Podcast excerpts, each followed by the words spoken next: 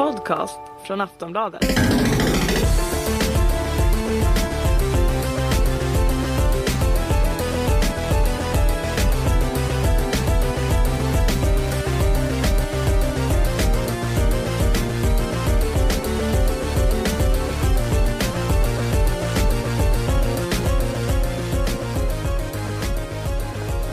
Hej och välkommen till Spelarpodden med mig, Jonas Högberg. Alfred Holmgren. Och Kerstin Alex. I det här avsnittet ska vi diskutera den lukrativa och något problematiska relationen mellan spel och film. Vi ska reda ut vad vi egentligen tycker om filmer baserade på spel och spel baserade på filmer. Och så ska vi även snacka om fördelar och nackdelar med att använda det klassiska filmspråket när man berättar en historia i ett spel. Alfred Holmgren, Nöjesbladets spelarredaktör, välkommen tillbaka. Du var ju frånvarande förra avsnittet. Har du saknat oss? Ja, folk som har lyssnat på, våra, på avsnitt förut där jag har varit med vet kanske att jag är ganska pratglad av mig. Så det känns som att jag har fått bygga upp ganska mycket ånga nu under de här veckorna som gått sedan jag senast var gäst i Spelarpodden. Mm. Uh, har du uh, hunnit spela någonting sen sist? Uh, jag har inte spelat lika mycket som jag har tittat på spel. närmare bestämt Street Fighter 4, mitt gamla favoritspel. Jag har följt den här Fight Night-serien på Youtube. Är det någonting du har sett Jonas som också gillar fightingspel? Uh, nej, den har jag nog missat tror jag. Okay. Vad handlar den om? Ja, det är liksom ett studioprogram där några av världens bästa Street Fighter-spelare samlas i en studio. Jag tror det är i Berlin. Och så tävlar de om 25 000 dollar om jag inte, om jag inte minns fel. Och programmet i sig är ganska ruttet på många sätt. Det är liksom så slentrian, sexism, tjejer i kort kort som så snurrar på Bingolotto-liknande hjul för att så slumpa fram vilka som ska mötas och sådär. Så det är jävligt plojigt. Men det är så sjukt rafflande att se liksom, de här spelarna, Infiltration och Ali Yoon och Ryan Hart och alla där mötas liksom, ansikte mot ansikte och trash-talka varandra och kommentera varandras matcher och så vidare. Så det tycker jag är, ja, det är värt den kväljande smaken man kan få i munnen av det ibland. Okej. Okay. Um, Kerstin och Alex, du mm. är recensent och krönikör och eh, frälst numera. Ja. Eller har jag rätt? Du sitter ja, lika djupt i Dark Souls-träsket som eh, jag, har jag förstått. Ja, jo, det är ju... Ja, jag måste hålla mig borta från det. Det är ju farligt för, för allt jag håller på med, alltså med jobbet. Liksom. Ingenting annat är roligt att spela när man vet att man kan spela Dark Souls 2. Eh, och sen så typ så här, när klockan är 23, eh, jag brukar lägga mig vid midnatt, då bara, men jag spelar en timme eh, och sen så inser man att eh, man har spelat lite för länge när det börjar bli ljust ute. Så. Så att, eh, Där har vi alla spel. befunnit oss, tror jag. Mm. Eller? Mm. då. Eller? Ja, jag bara tänkte om ni pratar specifikt om Dark Souls så har inte jag befunnit mig just där.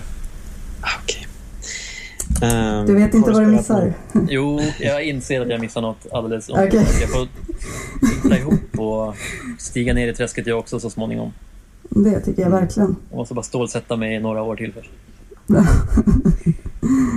ja. ja. Och jag heter då Jonas Högberg um, och uh, har spelat uh, ett spel som heter Professor Layton vs Phoenix Wright. Um, ett spel som jag längtat efter i snart kanske två, tre år tror jag. Ja, det var ett uh, himla tjat från din sida om det spelet faktiskt. Ja, Ganska länge. Uh, eller hur? Jag älskar ju båda de här karaktärerna som mm. har uh, sina egna spelserier. Liksom. Uh, Phoenix Wright är en advokat och Professor Layton är ju en gåtknäckande gentleman med arkeologyrke. Um, ja, och här så förenas de alltså i ett och samma spel. Och eh, det är ju fantastiskt alltså. De är så underbara karaktärer och eh, Shu Takumi, Ace Attorney-skaparen, är ju en fantastisk, fantastisk manusförfattare. Um, så jag råder alla att uh, skaffa det här spelet. Det är otroligt mysigt och um, otroligt välskrivet. Uh, visst har det funnits uh, i Japan ganska länge nu? Va? Eller är jag som misstar mig? Nej, det stämmer. Jag tror det släpptes för ja. två år sedan i Japan. Det brukar ju vara så här med lite mindre eh, japanska spel att de shit, det här vill ju ingen spela i eh, något annat land förutom Japan. Så, och sen så kommer de på, nej men vänta lite nu här. Helt plötsligt så dyker upp en massa människor som säger att de vill ha spelet. Vad är det här? Mm. Jag förstår ingenting. Mm. Och eh, det här brukar ju vara liksom fallet med massa rollspel och sådär. Eh. Flera rollspel som släpptes till eh, Wii här på slutet eh, fick ju vi kämpa ganska mycket för att få dem att släppas här i väst. Bland Mm. annat Xenoblade Chronicles som var jättebra. Mm. Så ja, de är, lite, de är lite efter där borta. Verkligen. Jag har suktat efter det här spelet ganska länge så att jag kommer ju absolut testa det. Kul att höra att du gillar det också. Yes.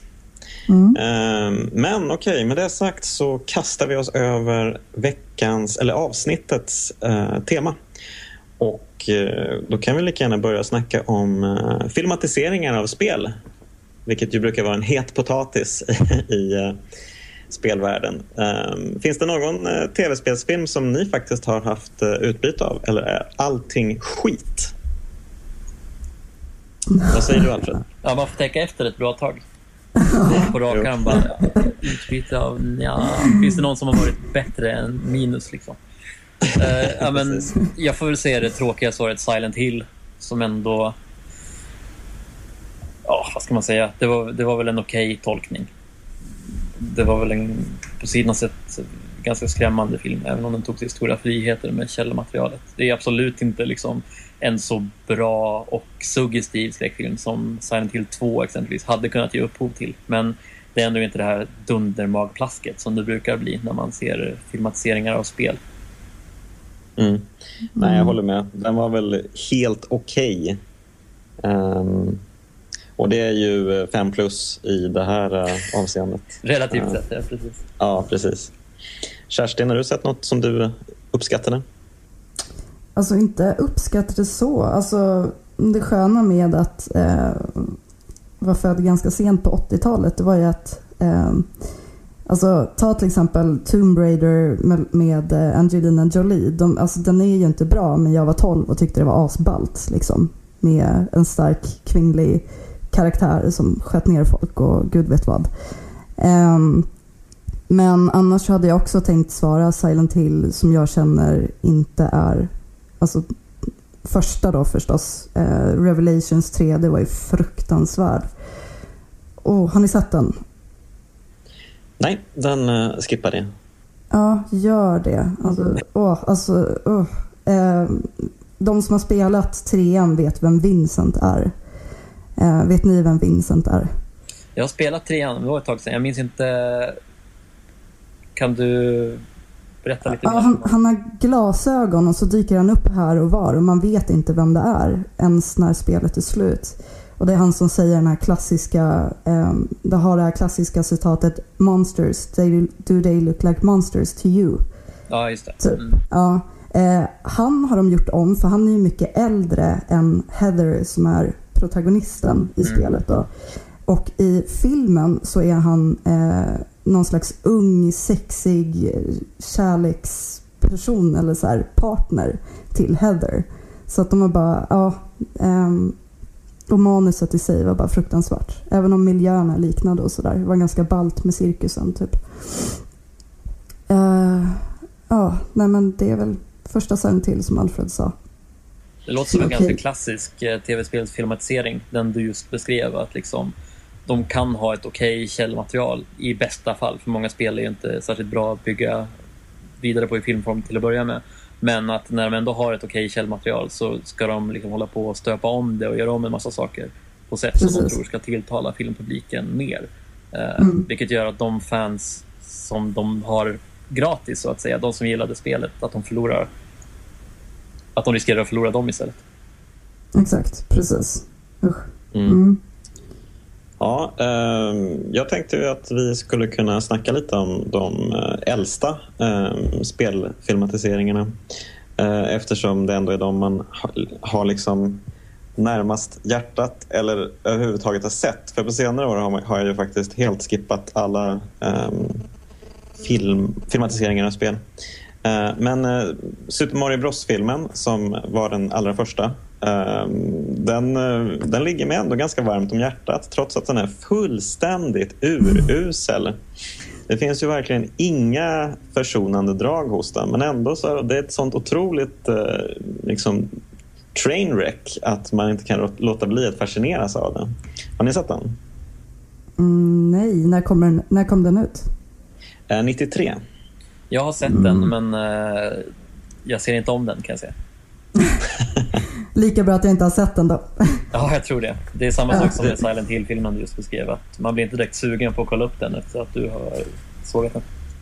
Mm. Alltså det, det, var ju verkligen uh, otroligt uh, konstig inspelning. De skrev ju om manuset så gott som dagligen och uh, skådespelarna har ju i efterhand gått ut och sagt att det var den absolut sämsta film de någonsin har gjort. Uh, Bob Hoskins som spelade Mario och Dennis Hopper som spelade Kung Koopa um, har ju båda skrivit under på det. Att uh, herregud vilken jävla skitfilm vi gjorde.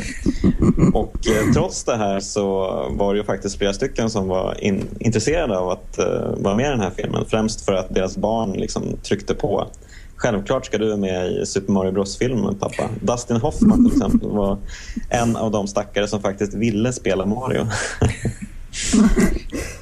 Men ja, det vi, det vi kan ta med oss från den här filmen är ju att de, filmskaparna faktiskt gav Mario och Luigi ett eh, efternamn. Något som eh, Miyamoto aldrig riktigt har lyckats med. Ehm, och eh, efternamnet i sig är ju, ja, jag vet inte. De valde alltså att kalla Mario Luigi för Mario. Alltså Mario Mario och Luigi Mario. Det är något av det mest Alltså jag kan inte ens, det är så, ja. Jag vet inte vad jag ska säga om det. Det är totalt vansinne. Ja, apropå så här omotiverade ingrepp. Ja, ja verkligen. Som så här, behövs för filmpublikens skull. Det var säkert många mer som såg filmen för att de hette Mario Mario och Luigi Mario. Exakt. Innan dess ja. bara så här, nej, så orealistiskt att detta efternamn. Den filmen kan jag inte se.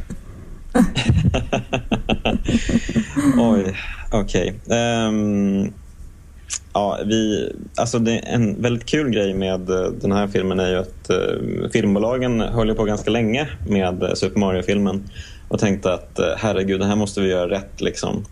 Så de hade ju flera olika förslag på scenarion och eh, liksom inriktningar som filmen skulle ha. Och det blev ju då eh, en bisarr handling där man hade två dimensioner människovärlden och ett sorts dystopiskt dinosaurium Manhattan också.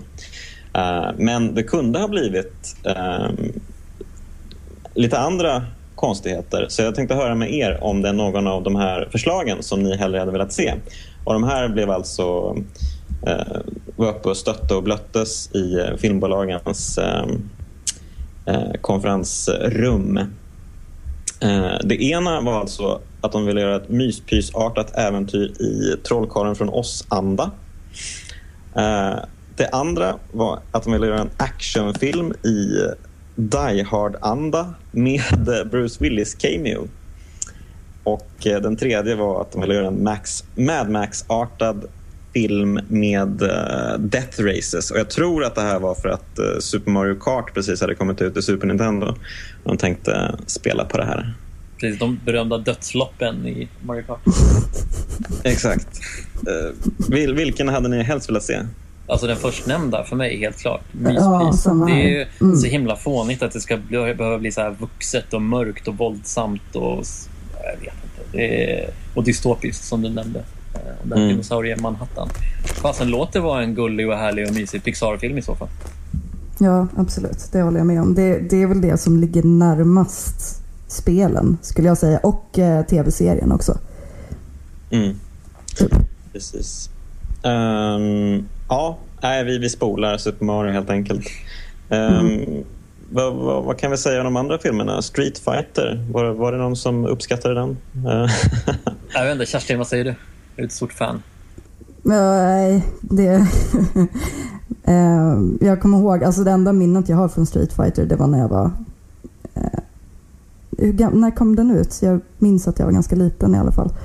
Kanske året uh, efter, 94 kanske? Ja, nej men det var så här, ja, vad fan är det här för skit? Och så stängde jag av. Uh, och då kanske jag var 5-6, så jag, jag hade väl bra koll redan då. Liksom. Ja, bra instinkter. Ja, verkligen. Det, jag, jag spelade ju ändå Street Fighter 2 liksom. Um, och bara tyckte att det var helt bisarrt. Um, så att jag har inte sett den heller. Tack och lov. Ja, ja, du kan skatta dig lycklig för det är verkligen mm. ett riktigt ökänd kalkon. Och där kan vi snacka liksom grova ingrepp i spelets story. Och, ja, inte för att Street Fighter 2 hade en bra story att prata om till att börja med, men det är ändå så här massa godtyckliga hittepå-grejer där de byter utseenden på karaktärer och ändå deras backstories. Ja, lite vind för våg bara. Uh, mm. Det är lite lustigt att Jean-Claude Van Damme som spelade Guile med helt ny frisyr då, som fansen blev väldigt arga på, i den här Street Fighter-filmen. Han hade tackat nej till att spela Johnny Cage i Mortal Kombat-filmen för att istället kunna vara med i Street Fighter. Och jag vet inte ifall det var ett så briljant karriärsbeslut kanske. Å andra sidan, Mortal Kombat var kanske inte den största, det största mästerverket någonsin. Sen var det snack tydligen om att göra en uppföljare 2003, eh, en ny Street Fighter-film. Och då var det tänkt att Dolph Lundgren skulle spela en roll. Eh, men det var kanske tur för hans karriär också att inte det blev av. Mm, ja, jo. um, ja, osäkert. Um, ja, uh, Mortal Kombat sa du ju. Uh, den kom ju typ samtidigt som Street Fighter. Um, och den var ju... Ja. Har du sett den, Kerstin? Nej, inte den heller. Inte den heller? Nej, okej. Okay. Nej, men uh, borde jag se den? Nej, jag vet inte. Alltså det, det, är väl egentligen den av uh, många av de här tidiga filmerna som faktiskt uh, träffade hyfsat rätt med själva uh, storyn, alltså settingen och uh, källmaterialet. Att de typ, okej, okay, vi kör en turnering um, och så får de fightas mot varandra lite. Mm. Så på så sätt så kanske den är överlägsen men ja, det är en ganska skräpig film. En kul grej med den är att eh, Mortal Kombat-skaparen Ed Boon faktiskt är den hårdföra ninjan Scorpions röst i filmen. Det är eh, Boone som eh, slumpvis ploppar in i spelet och ropar toast när man gör en uppercut. Så Mortal Kombat-fans vet ju definitivt vem det, mm. vem det är. Kul. Mm. Uh, och faktiskt så var det tänkt att Steven Spielberg skulle göra en cameo i den här filmen. Han skulle spela uh, Johnny Cage uh, regissör. För Johnny Cage är ju en skådespelare egentligen. Ja. men han fick förhinder. Jag vet inte riktigt vad det betyder. Han kanske till slut insåg vad han hade tackat ja till. Han kanske också hellre, hellre ville vara med i Street Fighter. Precis. Ja, just det. Men de kanske inte hittar någon roll till honom. Han kanske ville spela Guile också, men så blev han slagen av Van Damme. Fy fan, vilken förnedring. Kan du tänka dig? mm. Ja. Um, House of the Dead. Uh, någon, någon av er som har sett den? Oh ja, men det är ju, av alla de här, det är nästan den man vill förtränga mest. För det är ju en av de mest bizarra filmerna jag någonsin sett, alla kategorier. Det spelar ingen roll vad man jämför med, den är ju vedervärdig. Mm, Kerstin, den har vet? Jag, jag vet att jag har sett den, men eh, eh, jag kommer bara ihåg att den var galen och inte mer än så. Och återigen, tur. Ja, verkligen. Typ, antar jag. Ja, men det är all information man behöver lagra i sitt långtidsminne om den filmen. Alltså. Den är galen, undvik den. Mm. Exakt. Uh, ja, det och att Uwe Boll som regisserade filmen uh, faktiskt klippte in uh, bilder från spelet lite här och där. Det är ju ett ovanligt eh, tilltag får man säga. Ja, men mitt i mm. actionsekvensen så alltså ser man liksom från arkadspelet kommer en zombie, liksom, man ser i FPS-vy, så kommer en zombie hasande mot en och får huvudet uppskjutet så sprutar det typ grönt blod. Alltså med spelgrafik i actionscenerna i filmen. Liksom, låt det sjunka in hur så realistiskt det är. Uh. Filmen är så dålig att de bara, ja, men kanske blir det lite bättre om vi tar några sekunder från spelet här och var. Det blir lite mer trovärdigt. Men eh, hur var handlingen då? För att kanske påminna mig lite grann? Alltså det är väl ett gäng ungdomar som åker ut till en ö i hopp om att de ska gå på rave. Mm. Och eh, så kommer det zombies typ. Det är allt du behöver veta liksom. Ah, okay. Mm. Ja, men det låter bra. Um, men det kanske mest eh, anmärkningsvärda med, den här filmen i och för sig är väl att uh, Boll faktiskt släppte en Directors Cut-version uh, fem år efter och uh, valde att kalla den The Funny Version. Um, vilket ju är ett hån mot alla som uppskattat uh, The House of the Dead um, ur en rent komisk synvinkel. Mm. och den inleds då med att uh, Boll har blivit tagen gisslan av några typer som Eh, planerar att tortera honom genom att visa House of the Dead för honom. Uh, och Sen har han också filmat om vissa scener då, med ett mer humoristiskt anslag. Och Det dyker även upp eh, små pop-up inslag som påpekar fel och fånigheter som begåtts med själva källmaterialet. Det där är väldigt typiskt Uwe måste jag säga. Att, eh, han är ju hatad, men han trivs ju också med det på något sätt. Att vara en sån här underdog som även kan driva med sig själv och ofta därmed även med sina haters. Ja, precis Alfred. Du har ju faktiskt eh, träffat Uwe Boll. Um, vad är det som driver honom? Ja. Fick du någon klarhet i varför han är besatt av spel? Ja, det är faktiskt alldeles glasklart. Kan ni gissa vad det är för någonting? Nej. Nej. Nej, okej. Okay. Ja, det är pengar kan jag avslöja. Oh, okay. så, ja, så idealistisk är han. Det är inte spelens spännande narrativa grepp eh, och så vidare. Det, det kan man ju förstå i och för sig när det handlar om House of the Dead och sådana filmer. Eller sådana spel. Eh, just House of the Dead var ju den första spelfilmen, eller spelbaserade filmen han gjorde. Eh, och det var ett manus som han bara fick på sitt skrivbord mer eller mindre. han blev erbjuden där och han tyckte själv att det var lite dåligt. Men han var inte så bra på engelska själv så han kunde göra om det. Så istället var det liksom att på plats när de spelade in filmen så höftade de ihop en massa actionscener bara och han strök liksom tiotals sidor med dialog om jag har förstått saken rätt. Och det blev ju den kalkon det blev. Men samtidigt så eftersom de gjorde den så billigt så drog den in ganska mycket pengar relativt sett. Och då fick han liksom upp vittringen. Han förstod att ah, men gör jag riktigt dåliga spelfilmer riktigt billigt, då kommer jag kunna sko mig rejält på det. Ja, det har lyckats uppenbarligen då, eller? Ja, han har ju hållit på ett hyfsat tag nu alltså. Uh, men ja, men du, finns, du var hemma hos honom. Hur, du? Hur, lev, hur levde han? Alltså, du har varit hos honom också? Ja, precis. Jag var hemma hos honom och hans familj och åt middag med dem. Ja. Nere i Tyskland. Ja. Men det var en schysst villa eller? Ja, precis. Alltså, han är ju rik som ett ja. troll. Han, ja. han okay. skröt mycket mm. om alla miljoner euro han hade på banken och sådär. Så han är ju mycket mer affärsman än filmregissör och det är ju hans grej att göra filmer relativt billigt och försöka få dem att se liksom, ut, åtminstone i trailers, som fläskiga Hollywoodfilmer och sen mm. sälja dem till olika marknader där folk kanske inte har riktigt lika bra koll på vem han är som säg i Sverige och eh, USA och stora delar av västvärlden. Mm. Och som sagt, det har ju verkligen fungerat den taktiken för honom. Men det kommer det ju inte göra för alltid. Nej, äh, precis. I takt med hans rykte sprider sig. Nej, jag vet inte riktigt. Eh, det är svårt att säga om så här, kommersiella utsikterna. Men det känns ju som att han bränner nya broar för varje, varje film han släpper, mer eller mindre. Precis.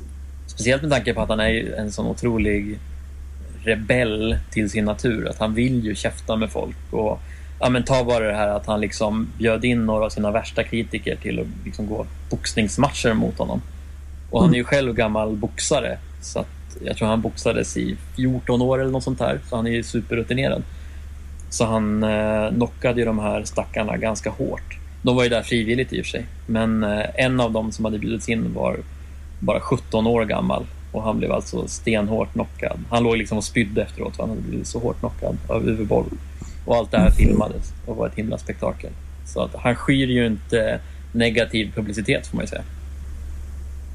Nej. Uh, nej, och det kanske hedrar honom. Jag vet inte heller riktigt. Uh, jag vet inte ifall man vill säga att det hedrar honom i samband med att man pratar om att han så här, slår ner 17-åringar. Uh, eh, nej, kanske. Ja, han är principfast visst, men det är rätt principfast, principer. Ja. Vi väljer det istället. Um, vad, vad, gjorde han efter House of the Dead? Var, varför fortsatte han? liksom?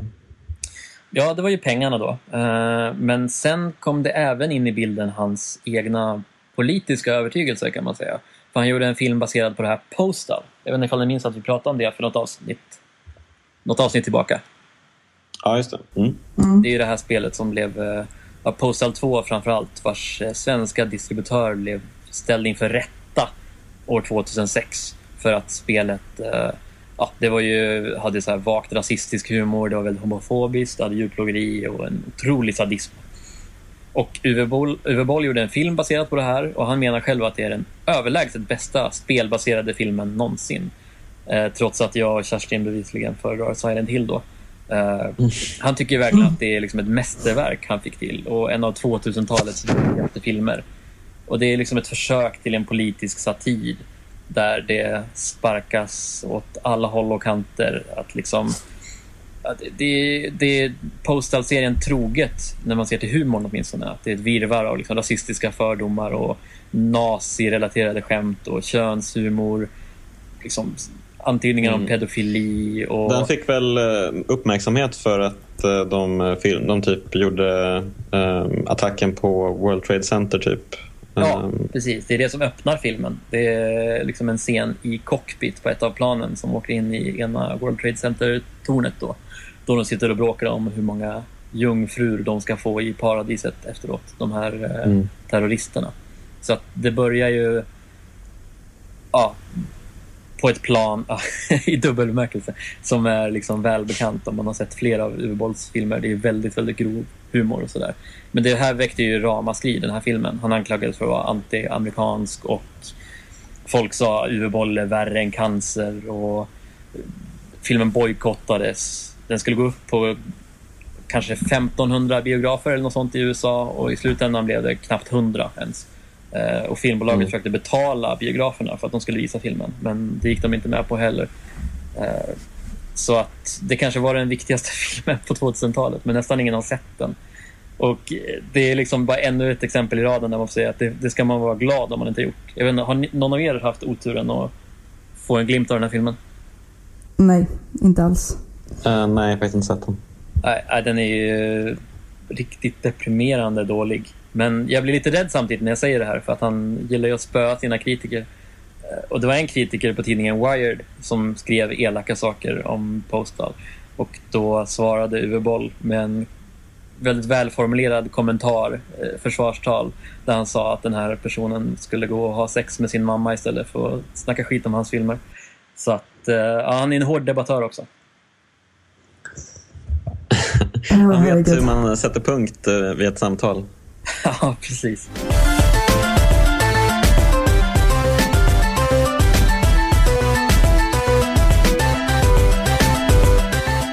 Vet ni någonting om um, framtida speladaptioner? Um, det finns ju några som är i pipelinen. World of Warcraft till exempel ska ju regisseras av uh, David Bowies uh, son Duncan Jones. Mm. Uh, och han har gjort en del ganska bra filmer faktiskt. Ja, verkligen. Um, och det är ju märkligt att uh, han väljer att göra World of Warcraft-filmen. För man tänker ju sig att det blir en ganska pajig um, film. Eller? Vad tror ni? Ja, det beror väl helt på vilken vinkel man har. Um, jag menar om... Eller fan, jag vet inte. Kan det bli bra? Eller hur? Man vill tänka liksom, nej, men det, de, har, de har chansen att göra något riktigt fint här. Men det är kanske lite äh, önsketänkande. Ja, det är ju bara väldigt äh, eller, positivt inställd till det hela. Mm. Ja, ja. Det finns ingen, äh, inget spel som ni skulle vilja äh, som ni skulle vilja se en film baserad på?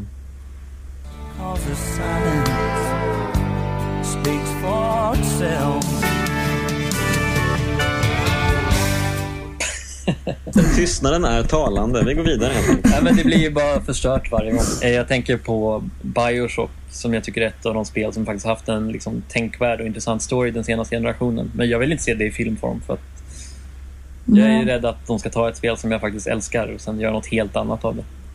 Nej men precis, det är ju um, det jag menar med att eh, det finns spel som man jättegärna skulle kunna tänka sig, eller som jag skulle vilja se som film, men jag vet hur det blir.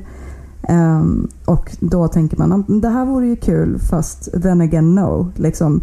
Däremot så tror jag att uh, alltså, den skulle inte bli en uh, uh, fem av fem. Men Dead Space skulle nog bli en hyfsad så här, skräck actionrulle liksom ändå. Tror jag kan vara ganska lätt att göra. Jag skulle kunna tänka mig att se um, filmer baserade på Castlevania och Metroid. Uh, just för att de inte har någon särskild story att tala om. Jag skulle kunna tänka mig att se en film bara liksom sett utifrån um, känsla och uh, stil, typ. Lite som uh, Sergio Leones westernfilmer, spaghetti-westernfilmer. Alltså att eh, man Eh, helt enkelt placerar storyn i bakgrunden långt, långt, långt borta och satsar på att eh, göra en snygg och eh, eh, skön film. Men det är ju bara mina tankar. Jag vet till exempel att John Woo hade planer på att göra en Metroid-film en gång i tiden. Och tack och lov för att det inte slog in. Eller tack och lov att ingen har gjort så överhuvudtaget, känner jag. Samma sak med Castlevania. Tyvärr Jonas, jag fasar inför hur det skulle mm. göra sig på vita duken. Även om Pratar det om, i och för sig kan vara på ja. gång. På riktigt. Pratar du om de tidigare spelen nu? För att de senare har ju stories. Ja, alltså ja, de nej, tidigare precis. har ju också stories, men det... Ja, ja, jo, jo. Men det här är ju mer alltså, massa filmsekvenser och dialoger och... Eh, jättetöntigt. Ja, det vill jag ännu mindre gärna se. Precis.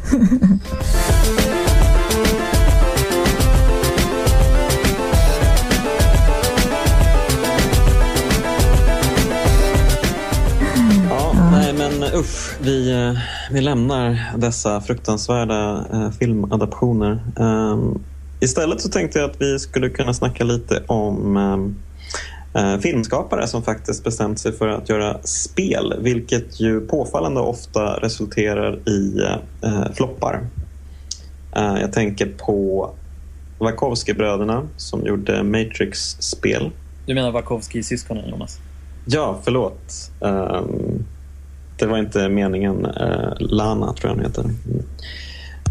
Um, jag tänkte mig inte för. Uh, Matrix-spelen och uh, John Woos uh, Stranglehold och Steven Spielbergs Directors Chair som jag faktiskt tror att jag har pratat om tidigare i den här podden.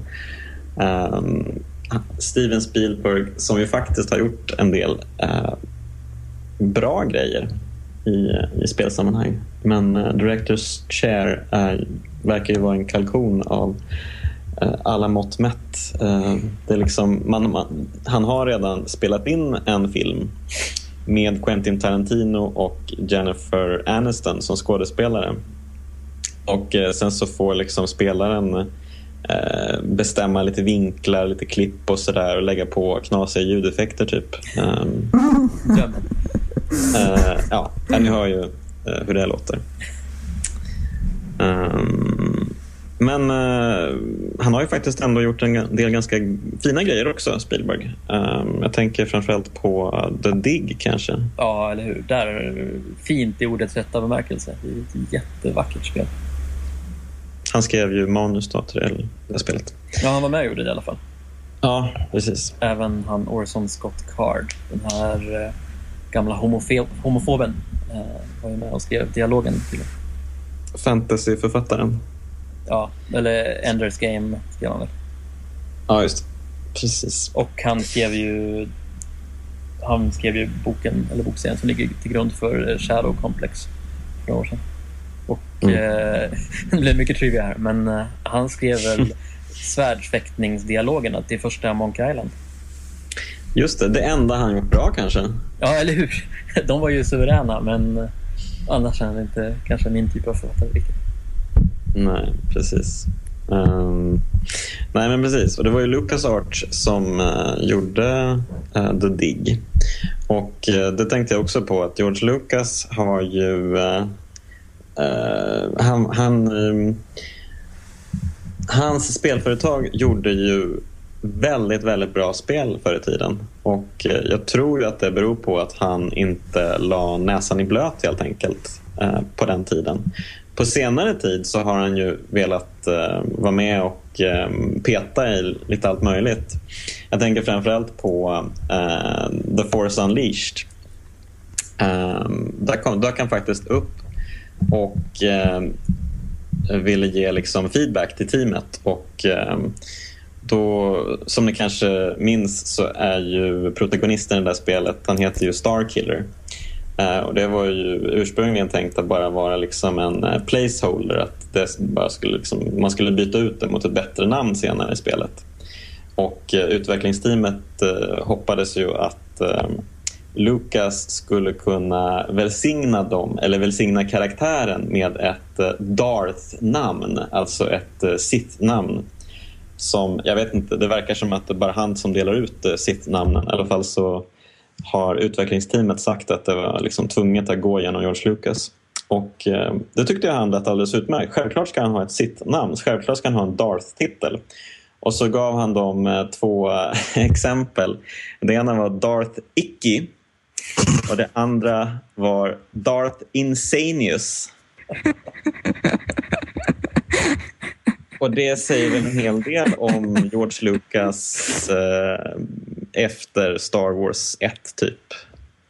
Um, hur jo, det, det, det, spelet hade ju ändå inte kunnat bli sämre om så karaktären hade hetat Darth Insanius. Jag vet inte. Det hade blivit roligare åtminstone. Ja. Jävlar, ja, verkligen. Kerstin, spelade du Forest Unleashed? Nej, det gjorde jag faktiskt inte. Jag klämde lite på det men eh, han inte spelar. Men eh, ja, jag kanske hade lockat om han hade hetat Darth Icky. Då hade jag väl spelat det bara för att han heter det. Liksom. ja, just det. Shit, tänk så många extra kopior de hade kunnat sälja bara på det namnet. Precis. ja. Um, ja, är det någon, någonting mer vi behöver säga om ehm, de här filmskaparna? Ja, alltså George Lucas finns det ju mycket att säga om som kanske inte passar i den här podcasten eller passar för allmän konsumtion överhuvudtaget. Men jag tänkte på, han har ju varit med i spelbranschen länge som du sa Jonas. Alltså mm. Lucas Arts som ju han grundade som en uh, avgrening från uh, Lucasfilm. Gjorde ju ja, Monkey Island och The Dig Eh, och massa andra klassiska äventyrsspel, Full Throttle, Grim Fandango och så vidare. Men eh, när Playstation 2 var på gång så var George Lucas en av de första som fick se vad maskinen var kapabel till. Och han blev så fullständigt blown away så det liknar ingenting. Eh, jag hittade faktiskt det gamla citatet här. Jag, jag mindes att han sa något galet, men jag minns inte vad. Men jag lyckades eh, gräva fram det faktiskt. Eh, och han sa bland annat så här att vad de har, vad de har placerat i den här uh, leksaken är kraftfullare än allting vi använder för att göra Star Wars Episod 1. Uh, eh, Playstation 2 kan återskapa alla specialeffekter i realtid från Star Wars Episod 1. Och det här har vi kämpat med i fyra år för att, för att komma till den här punkten. Och nu kommer det vara tillgängligt för alla, den här tekniken. Det är kanske inte riktigt samma kvalitet som på filmen, men det är tillräckligt bra kvalitet för tv. Det är helt häpnadsväckande, sa han om Playstation 2. Jag vet inte ifall ni känner igen er i den här bilden av Sonys gamla trotjänare. Uh, ja, alltså det, de, man sa ju en hel del om Playstation 2. Man sa ju bland annat att man skulle kunna uh, skicka iväg eh, missiler med uh, konsolen. Att Saddam Hussein ville ha massa Playstation 2 så att han kunde bygga upp sin arsenal med Sonys konsol som kontroll helt enkelt. Ja. Uh, ja, alltså, nej men, uh, det, det, visar ju liksom igen bara hur verklighetsfrånvänd uh, George Lucas är. Precis, alltså marknadsföringsmässigt briljant. Men jag undrar vad de visade för honom för galna demos som fick honom att tro det här. För jag menar release-spelen, det här var ett år innan konsolen släpptes. Och release-spelen såg ju rätt bedrövliga ut om man jämför med filmspecialeffekter. Där är ju inte ens dagens konsoler än. Liksom. Så att, han sitter och säger att så här, det här är lika kraftfullt som Industrial Light and Magics datorer men den kan rendera specialeffekterna i realtid. Det är en sån, man undrar om han har sett om de kanske visade honom hans egen film bara och sa det här är ett Playstation 2-spel. Jag kan inte komma på någon annan förklaring till det här liksom, vansinniga uh, hyllningssången. Uh, förresten, var det någon av er som uh, spelade Wachowski-syskonens uh, Matrix-spel? Ja, lite grann. Motvilligt och sen slutade jag väldigt frivilligt. det var ju Enter the Matrix som det hette var ju extremt hypat. För det var ju egentligen en av de första gångerna som eh, filmskaparna var så djupt involverade i, i själva spelet baserat på filmen. För redan på den här tiden, i början av 2000-talet, så var det ju extremt liksom ökänt med filmbaserade spel. Och nu kom då Enter the Matrix och skulle råda bot på det. Och det var otroligt djup Eh, inblandning från Wachowski-syskonen faktiskt. De spelade bland annat in, tror det var över en timme av liksom, så att säga riktigt filmmaterial exklusivt för spelet. Och det här var ju när The Matrix var som allra hetast, liksom en av världens hetaste filmserier. Så det var ju en enorm investering redan där. Och det betalade sig verkligen för spelet sålde i över 5 miljoner exemplar. Men det fick ju riktigt ruttna betyg och det var ju knappt spelbart eh, om man ska vara lite krass. Eh, mm. Så det bidrog ju inte direkt till att ge de filmbaserade spelen bättre rykte utan snarare blev det liksom en varningstriangel för alla regissörer som ville ge sig in i spelbranschen och tänkte att liksom, så länge de är engagerade så kommer det lösa sig.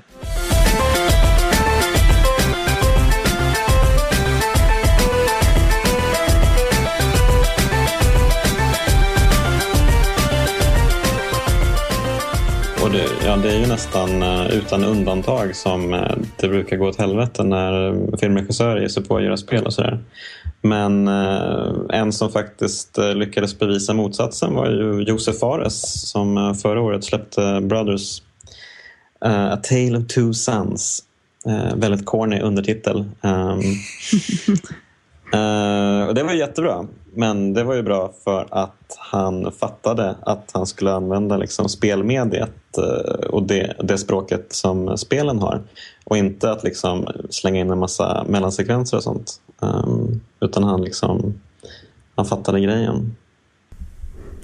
Mm, det, apropå språk bara så störde jag mig på låtsasspråket som användes. Jag hade hellre velat att de bara gestikulerade och sådär. Jag tyckte att det blev ganska fånigt när de bara pratade goja liksom, på sitt låtsasspråk. Men eh, alltså, anledningen till att han förstår sig på det hela det är ju för att han är en spelare, alltså en spelentusiast från grund och botten. Alltså ända sedan barnsben, sedan han var riktigt liten vet jag.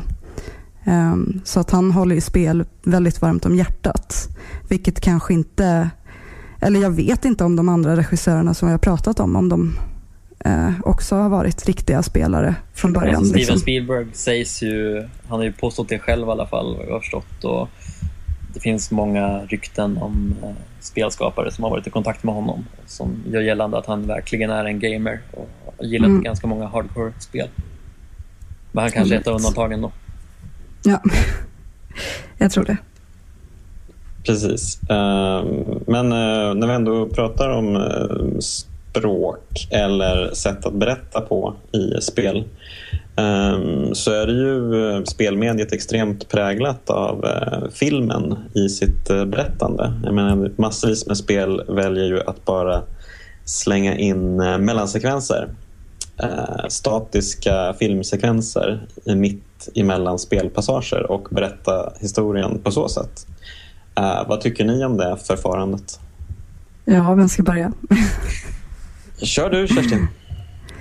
Uh, ja, nej men uh, jag tycker det beror helt på vad det är för typ av spel. Um, jag har ju, för mig blir, alltså jag blir väldigt lätt uttråkad när det kommer till filmsekvenser.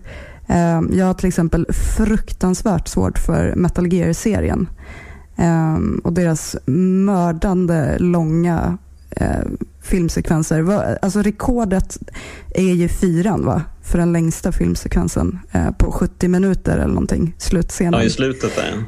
Alltså så brutalt verkligen. Vem vill sitta så länge? Och inte nog med det, Kojima får ju för sig att, att ehm, jag vet åtminstone i, i tvåan att mitt under en sån här tråkig filmsekvens när man har lagt ifrån sig handkontrollen, ja då plötsligt så håller karaktären på att dö.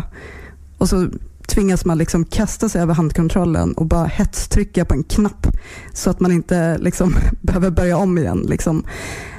Um, nej, men så att om det är en fängslande story, visst, men alltså, klippen får ju inte vara för långa. Liksom. Det är ganska viktigt att spelaren inte hamnar utanför. Så. Mm. Ja, jag gillar ju främst eh, när man eh, inkluderar spelaren hela tiden. Ehm, som i typ eh, Half-Life-spelen eller Bioshock och sådär. Jag vet inte om det kanske lämpar sig ehm, extra bra just i första personsperspektivet och sådär. Det kanske blir svårare att göra i tredje person. Um, ja. ja det, det, det, att... Ehm, det, är svårt tycker jag. Um, eftersom, jag vet inte, jag skulle ju vilja att um, spel hittade sitt eget språk lite grann. Uh, att berätta med. Uh, det känns som att vi hela tiden håller på och lånar från antingen film, mellansekvenser eller litteratur i det att vi får läsa oändliga dialogsträngar och sådär. Ja. Jag tycker att vi borde berätta lite mer med uh, spelkontrollen som faktiskt uh, Fares gjorde i uh, sitt en, spel. En story takeaway, typ? Sättet man kontrollerade de båda bröderna på. Och sådär. Det var väldigt smart tyckte jag. Mm. Um, ja, okej, okay, men um, då kan vi lika gärna passa på att avsluta podcasten med att prata lite om eh, alla dessa skitspel som är baserade på filmer. Och där har vi ju hur mycket som helst att ta av. Um, um, eller inte. Man kanske inte vill ta av. Um, men eh, jag tänkte fråga er det här då. Finns det några spel som är värda att lyfta fram bortom Goldeneye och uh, Chronicles of Riddick? Är det några ni kan komma på? Alfred? Uh, ja, jag har ett helt gäng faktiskt. Okej. Okay. alltså till att börja med måste jag bara berömma dig för att du tog upp Goldeneye och Chronicles of Riddick. För det är ju verkligen fantastiska filmspel båda två. Goldeneye till N64 som ju alla gamla N64-ägare minns med kärlek.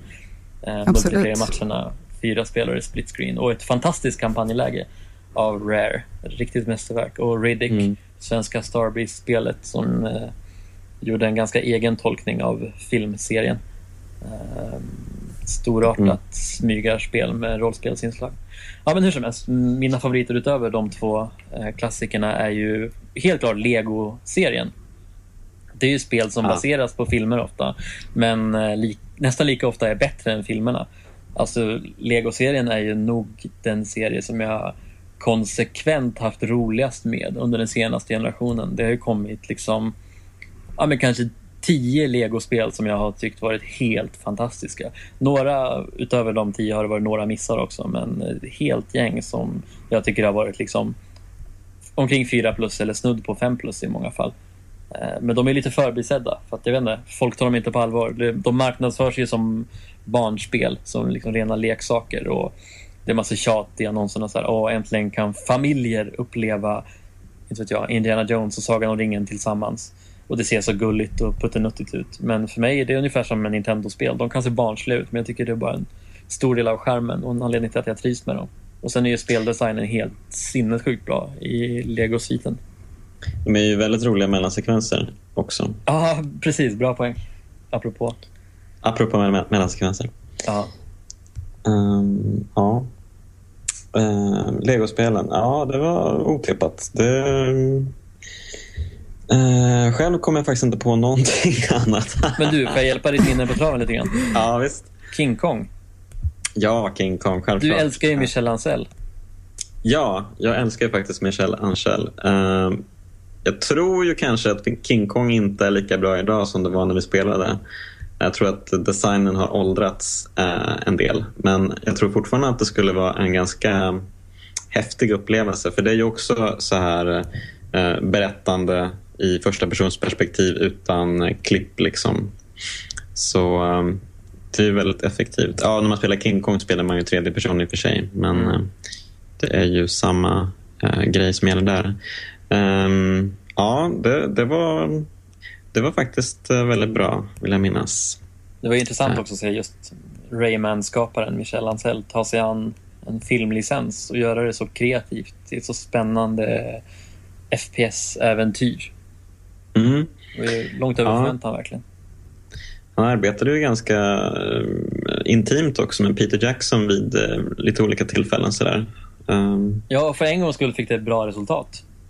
Ja, Precis, men där kändes det som att en bra speldesigner och en bra filmregissör faktiskt kan göra ett bra spel tillsammans. Men det gäller nog att speldesignen har, eh, har makten så att säga. Att det är han ja. som står vid rodret och att filmskaparen får komma med, inte jag, med typ assets och 3D-modeller eh, som spelskaparen kan låna. Precis. Jag tycker att King Kong-spelet var mycket bättre än filmen faktiskt. Inte för att filmen mm. var liksom någon dunderklassiker i sig, men jag tycker spelet var asbra. Och jag körde det både på Xbox och sen Xbox 360-versionen. Så jag har kört det i nästan modern tid i alla fall. Och tyckte fortfarande att det var fantastiskt. Väldigt kort mm. men intensivt och extremt varierat och atmosfäriskt. Mm. Mm. Um, ja, Kerstin, har du kommit på något? Ja, så det är en himla blandning av Disney-filmer i Kingdom Hearts 1 och 2 som jag håller väldigt varmt om hjärtat. Um, och Jag tycker att de lyckas ganska bra med många miljöer. Jag minns särskilt um, vad heter det? Lilla Sjöjungfrun som gjordes om till någon slags musikal som jag tyckte var fantastisk, verkligen. Så att jag får nog svara de två. Annars så hade det ju varit automatiskt Goldeneye som jag verkligen nötte mm. till mm. Nintendo 64. Mm. Alltså sjukt bra verkligen. Ehm, ja, helt sinnessjukt. Så att, att de kunde ja, lyckas att, med det, det är ju obegripligt. Ja, jo men mm. eller hur. Det var de hade ju aldrig gjort FPS förutom det teamet som gjorde Goldeneye. Mm. Det jag gillar mest med Goldeneye det var att uh, varje svårighetsgrad, att de la till ja, uppdrag. Uh, mm. liksom, så man kunde spela igenom samma bana på Agent, Secret Agent och uh, Double O Agent och liksom få fler uppdrag hela tiden. Det är ju mm. genialiskt och det har ju typ inte alls utnyttjats eh, i senare, alltså i andra spel. Ja, förutom i Perfect Dark. Ja, som också gjordes av Rare. Precis, den lika briljanta uppföljaren. Som man dessutom kunde köra i co-op, som du och jag har gjort, Jonas. Ja, man kunde även köra counter-off. Det var väldigt kul.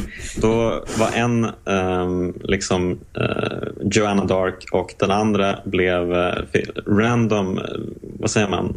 Man spånade som en fiendesoldat och fick springa runt och försöka skjuta uh, hjältinnan. och när man dog så hoppade man in i en annan AI-gubbes kläder och fortsatte mm. jakten. Liksom. väldigt kul. Väldigt mm. kreativt. Um, ja, kul. Um, Okej, okay. sista frågan. Finns det något uh, spel baserat på en film som vi borde såga extra mycket? Alla vi inte har nämnt. Ja. alltså jag bara så här, okay. direkt fick jag upp typ Iron Man 2 till Xbox 360 Alla Transformers-spel nästan. I och för sig, de har haft lite roliga multiplayer-lägen. Men mm. alltså, himla mycket dynga bara under den, sista, den senaste generationen. Och det har varit ja. så sen, sen jag var barn i alla fall, från NES-tiden. Ja men absolut. Ja, Eller om man inte minns... typ Batman till NES var ju ganska... Var ju ja men det var ju trevligt, absolut. Um, jag minns särskilt uh, um, det här uh, filmspelet uh, The Golden Compass som kom för några år sedan när filmen kom. Uh, och det var, ju, det var ju utvecklat av Shiny Entertainment tror jag som gjorde uh, Earthworm Jim-spelen en gång i tiden. Och um, Enter the Matrix. Se där! Mm. It all uh, makes sense på något sätt. För det var ju verkligen katastrofalt. Det kan ha varit det sämsta spelet jag någonsin spelat. Jag vet i alla fall att jag gav den etta tror jag av tio i Superplay. Um, och uh, alltså det, det, var helt ospelbart nästan. Um, och eh, ja. Kerstin, är det något eh, spel du hatar extra mycket eller tycker vi borde begrava i uh, en soptipp som E.T.? Nej, det var väl eh, IT jag tänkte på och tänkte fråga er om ni hade spelat det. Men eh, nej, eh, jag vet inte faktiskt. Alltså grejen är den att eh, både film som baseras på spel och spel som baseras på film eh, så här, bara springer åt andra hållet. Liksom. när, när, jag får hört, när jag hört talas om dem. Så att jag testar ingenting. Det är ju skönt att slippa liksom ha de dåliga minnena. Typ. Såklart. Uh, just mm. Apropå IT så håller man ju faktiskt på att göra en dokumentär om, uh, om själva den här, uh, vad kallar, jag tror inte man kallar det soptipp direkt, men de har alltså begravt tusentals, eh, kanske jag vet inte, till och med miljontals kopior av det här gamla spelet. Atari tror jag. Eh, Atari 800 kom 82, 83 något sånt där. Eh, och det, det sålde ju typ inte alls och man trodde ju att det skulle sälja i drivor. Så då dumpade man det i eh, Nevadaöknen i någon sorts eh, jag vet inte, landfill. Jag vet inte riktigt vad det kallas på svenska, men någon sorts soptipp av något slag. Modell större. Och så cementerade man över skiten. Liksom. Och nu i modern tid så är det några som vill göra en dokumentär om det här. För att man är inte helt säker på att det här är sant. Det kan ju vara en så kallad urban legend.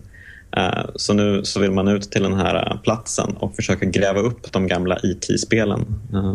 Men det är intressant, så här, det blev ett spel baserat på filmen och så blev en film baserat på filmspelet. Apropå det, eh, har ni spelat Street Fighter-spelet som baserades på Street Fighter-filmen? Ja, jag såg det i en arkadhall bara för några veckor sedan faktiskt. Det oh my god. Så jävla fult. det måste ju vara det sämsta Capcom någonsin gjort. Det finns gott om konkurrens i Capcoms ja. bibliotek. Men eh, en av de märkligare satsningarna att de skulle göra ett eget Mortal Kombat liksom, med så här digitaliserade eh, filmframes som eh, karaktärer. så att det skulle se fotorealistiskt ut. Men det var ju bara såg ut som klippdockor som liksom kruppade runt och gjorde asfula specialare. Mm. Ja, deprimerande mörkt kapitel i en bra series historia. Ja, vi, eh, det är mycket man eh, skulle vilja glömma med eh, spelvärldens historia överlag, känner jag. Ja, vi får Men, sluta riva upp de här gamla såren nu. Vi får, vi får faktiskt sluta göra det. Um, ja, men eh, vi säger nog eh, tack och hej här. Um, du har lyssnat på Nöjesbladets spelarpodd med mig, Jonas Högberg, Kerstin Alex och Alfred Holmgren. Uh, ansvarig utgivare är Jan Helin. Redaktör är Henrik Ståhl.